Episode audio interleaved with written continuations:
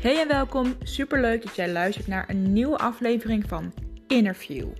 Interview is de podcast die jou helpt om bij jezelf naar binnen te gaan kijken. Wie ben je nou diep van binnen? Waar liggen jouw verlangens en hoe kan jij het contact met je innerlijke kind versterken? Waarom dat van belang is?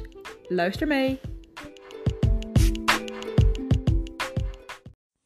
Leuk dat je luistert. Nummer 18 alweer. En deze gaat over familiepatronen en adoptie. Ik vind het een heel interessant thema om even in te duiken. En dat is ook omdat mijn vader geadopteerd is als jonge jongen. En ik dus ook een achternaam draag die niet aan mij verbonden is qua bloed. Niet qua generaties op generaties, maar echt, ik ben, we zijn in een systeem gezet. En vanuit daar zijn we gaan groeien en gaan bouwen.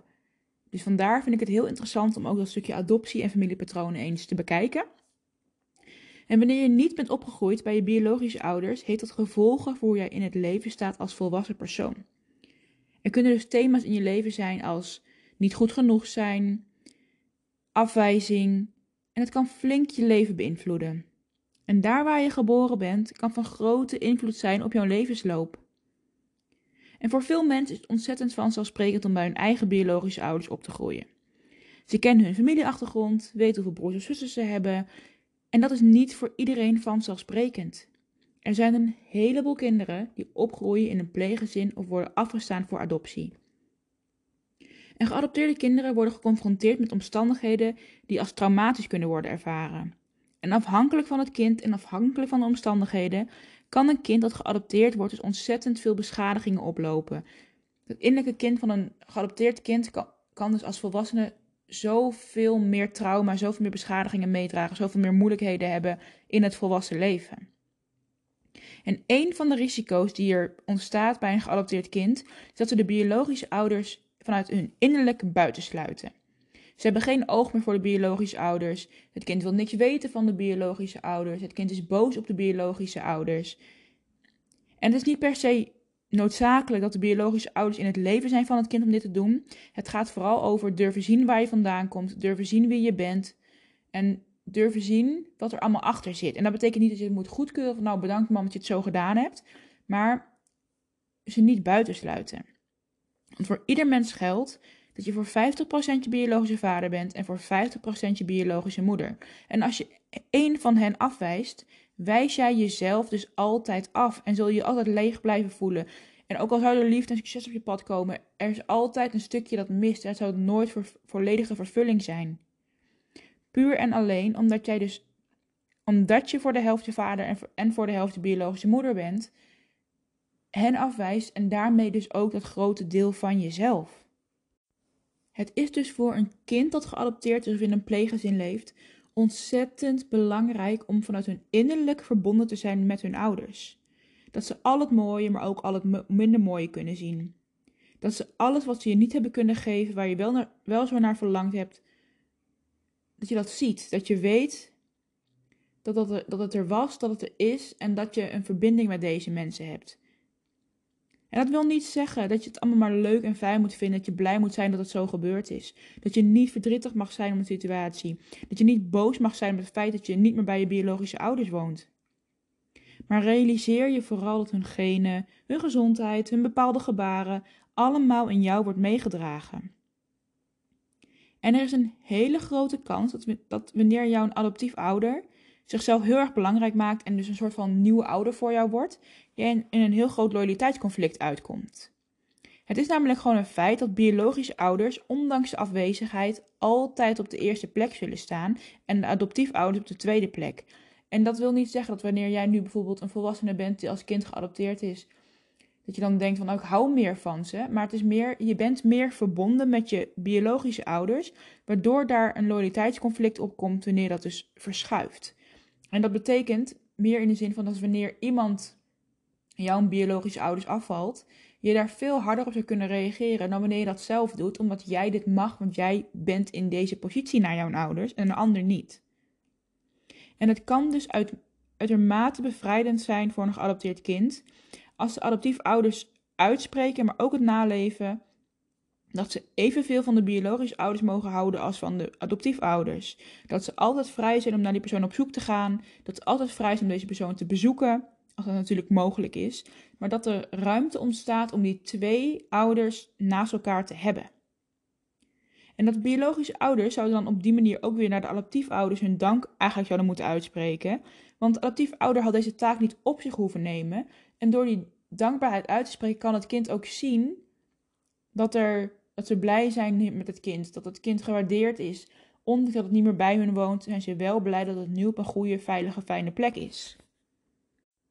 En elk kind maakt deel uit van een biologisch familiesysteem. Adoptiefouders horen bij je lot. Je bent uit omstandigheden bij ze terechtgekomen, maar ze zijn niet jouw familiesysteem. En dit vind ik dus ontzettend interessant, omdat ik dus een achternaam draag die niet mijn familiesysteem is. Dat, dat adoptieve ouders nuttige dingen kunnen doen en ontzettend goede rollen kunnen vervullen, is natuurlijk gewoon een, feit. Alleen wanneer je dieper ingaat op een familiepatroon en dieper ingaat op een systeem, gaan we dus in eerste instantie altijd uit van de biologische ouder. Ook als je deze ouders nooit of maar enkele maanden of weken of jaren hebt gekend, zitten er namelijk genen, in jouw genen heel veel patronen die zijn doorgegeven. Heel veel dingen die jij eigen hebt kunnen maken. Heel veel trauma's die alsnog met jou meegaan, ondanks dat je niet door hun wordt opgevoed.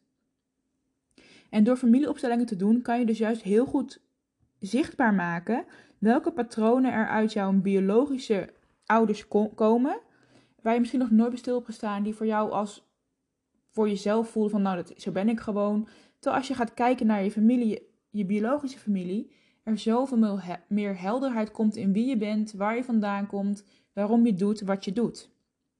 En dat kan, zeker voor een kind dat geadopteerd is, heel helpend zijn, omdat je toch een stukje identiteit kwijt bent.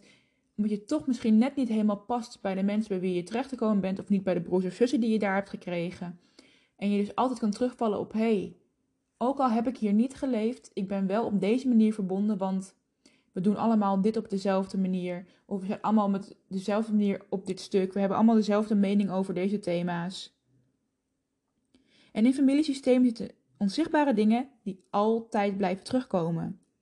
Bijvoorbeeld dat wanneer jij je ouders afwijst, je onbewust iets bij jezelf installeert.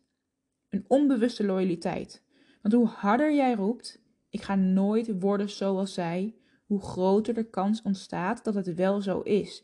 En vandaar dat ik ook zei in het begin: die innerlijke afwijzing naar je ouders is de afwijzing naar jezelf. Je zet de afwijzing naar een ander en onbewust installeer je dit in je eigen systeem. En een ander terugkomend gegeven is dat niets of niemand innerlijk mag worden buitengesloten. Want de kans is namelijk ontzettend groot dat je je gaat identificeren met deze persoon jij sluit iemand buiten, je wil iemand niet kennen, je wil iemand niet zijn, je wil iemand ver van je af, bijvoorbeeld je vader of je, of je moeder in dit, in dit verhaal. En de kans is dan groot dat je juist door ze buiten te sluiten, je onbewust gaat identificeren met deze persoon en het leven gaat leiden dat niet van jou is, maar van je vader of van je moeder. Dus die twee dingen, de loyaliteit, ik wil niet worden zoals ze zijn en het daardoor nog sterker worden, of ik sluit ze buiten en daardoor mee het leven van die persoon gaan leiden eigenlijk, zijn al tekens dat je eigenlijk dus ondanks de boosheid, ondanks het verdriet, ondanks de emotie die er ook onder zit, moet accepteren waar je vandaan komt. Moet accepteren dat jij nu als volwassene erop terug kan kijken. En daar mag je boos over zijn, daar mag je verdrietig over zijn, daar mag elke emotie bij zitten. Maar je moet accepteren dat het zo is. Je kan het niet meer veranderen, je kan niet blijven hangen in het verleden, dat gaat het niet anders maken, niet beter maken. En weten, ik ben nu als volwassene verantwoordelijk voor mezelf en nu kan ik mijzelf die liefde gaan geven die ik zo gemist heb. Een kind is ontzettend trouw aan zijn biologische systeem. En misschien heb je biologische ouders helemaal niet bewust gemaakt toch ben jij trouw naar dat systeem. Je moet dus je innerlijk met je biologische ouders verbinden om je vrij te voelen en om vol in het leven te kunnen staan. En dat gaat dus eigenlijk als kind eigenlijk volledig vanzelf door die trouw. En wanneer je dat kunt gaan verbinden, wanneer je dus die heling aan jezelf kunt gaan geven als volwassene, gaan dus al die onzichtbare gegevens als uh, iemand anders leven leiden, ik ga iemand niet worden en dan toch worden, juist voor je werken in plaats van tegen je werken. En ook zal wanneer jij met opgegroeid zonder je biologische ouders en je niet naar innerlijke kindheling zal gaan, altijd de rode draad in jouw leven zijn. Afwijzing. Je voelt je nooit op je plek, je wordt altijd afgewezen. Je hebt altijd het gevoel dat je niet goed genoeg bent. Altijd het gevoel dat je te veel bent, dat je te groot bent, dat je te klein bent. Altijd is er iets waardoor jij niet bij de groep hoort, waardoor jij je niet veilig voelt ergens, waardoor jij het gevoel hebt dat je je moet aanpassen, waardoor jij tegen de dingen aan gaat schoppen omdat dat het ding is wat je meegekregen hebt als innerlijke kind. En dat is het ding wat je innerlijke kind dus nu nog blijft uiten. Omdat een emotie niet mee ontwikkelt. De emotie is nog steeds 5, 6, 8 of 3. Afhankelijk van hoe oud je was toen het ontstond. Dus de emotie heeft die leeftijd nog en die kan niet anders dan kinderlijk reageren. Ja, als volwassene kan wel naar die heling gaan werken en dus gaan zorgen dat je als volwassene ernaar kunt kijken en er anders op kunt gaan leren reageren. En het doet er niet toe of jij je biologische ouders ja of nee ziet. Het gaat erom dat jij ze kan accepteren. Realiseer je dat jouw biologische ouders ook ouders hebben en zij ook weer. En vaak hebben de ouders van jouw biologische ouders niet goed op hun eigen plek in het systeem gestaan, waardoor er tekorten en beschadigingen zijn ontstaan, die generatie op generatie op generatie is terug, terug kan gaan en ook weer verder gaat. En soms is dan de enige optie die jouw biologisch ouder heeft gezien, het kind afstaan. En soms gebeurt het vanuit een eigen overlevingsmechanisme. Maar het kan ook heel goed komen te denken dat door mijn kind af te staan, het kind een betere toekomst tegemoet gaat. Niet met alle moeilijkheden waar ik mee, loop hoeft te dealen. Niet in deze toxic omgeving hoeft op te groeien. Je weet het niet. En misschien weet je het wel, maar wees niet te mild in je oordeel. Laat bij hen wat van hen is en kijk aan wat van jou is. Jij kan niks veranderen aan het feit dat het gebeurd is. Je kan wel alles veranderen aan de manier waarop je er naar kijkt. En nogmaals, dat betekent niet dat je hoeft te denken: oh yes, dit is gebeurd, oh hoera, fantastisch, dankjewel. Je mag echt boos zijn en je mag echt verdrietig zijn en je mag echt gewoon er niet mee eens zijn. Dat mag. Maar weet dat jij als volwassene verantwoordelijk bent voor je eigen geluk, voor je eigen gevoel en dat hangen in het verleden je niks gaat verder brengen. Durf dus te zien wat van jou is. Durf aan te pakken wat van jou is, maar laat lekker liggen wat niet van jou is, maar van je biologische ouders is. Daar hoef je niks meer mee, kan je niks mee, gaat niks opleveren. En mocht je nou benieuwd zijn naar hoe dit voor jou kan werken, of dat je een keer denkt van nou, ik ben ook geadopteerd, dat je heel graag een familieopstelling willen doen, Stuur me dan een berichtje. Ik kijk heel graag met je mee. Ik help je, help je heel graag verder om inzicht te krijgen in waar je vandaan komt, in wie je bent en hoe het voor jou verder kan.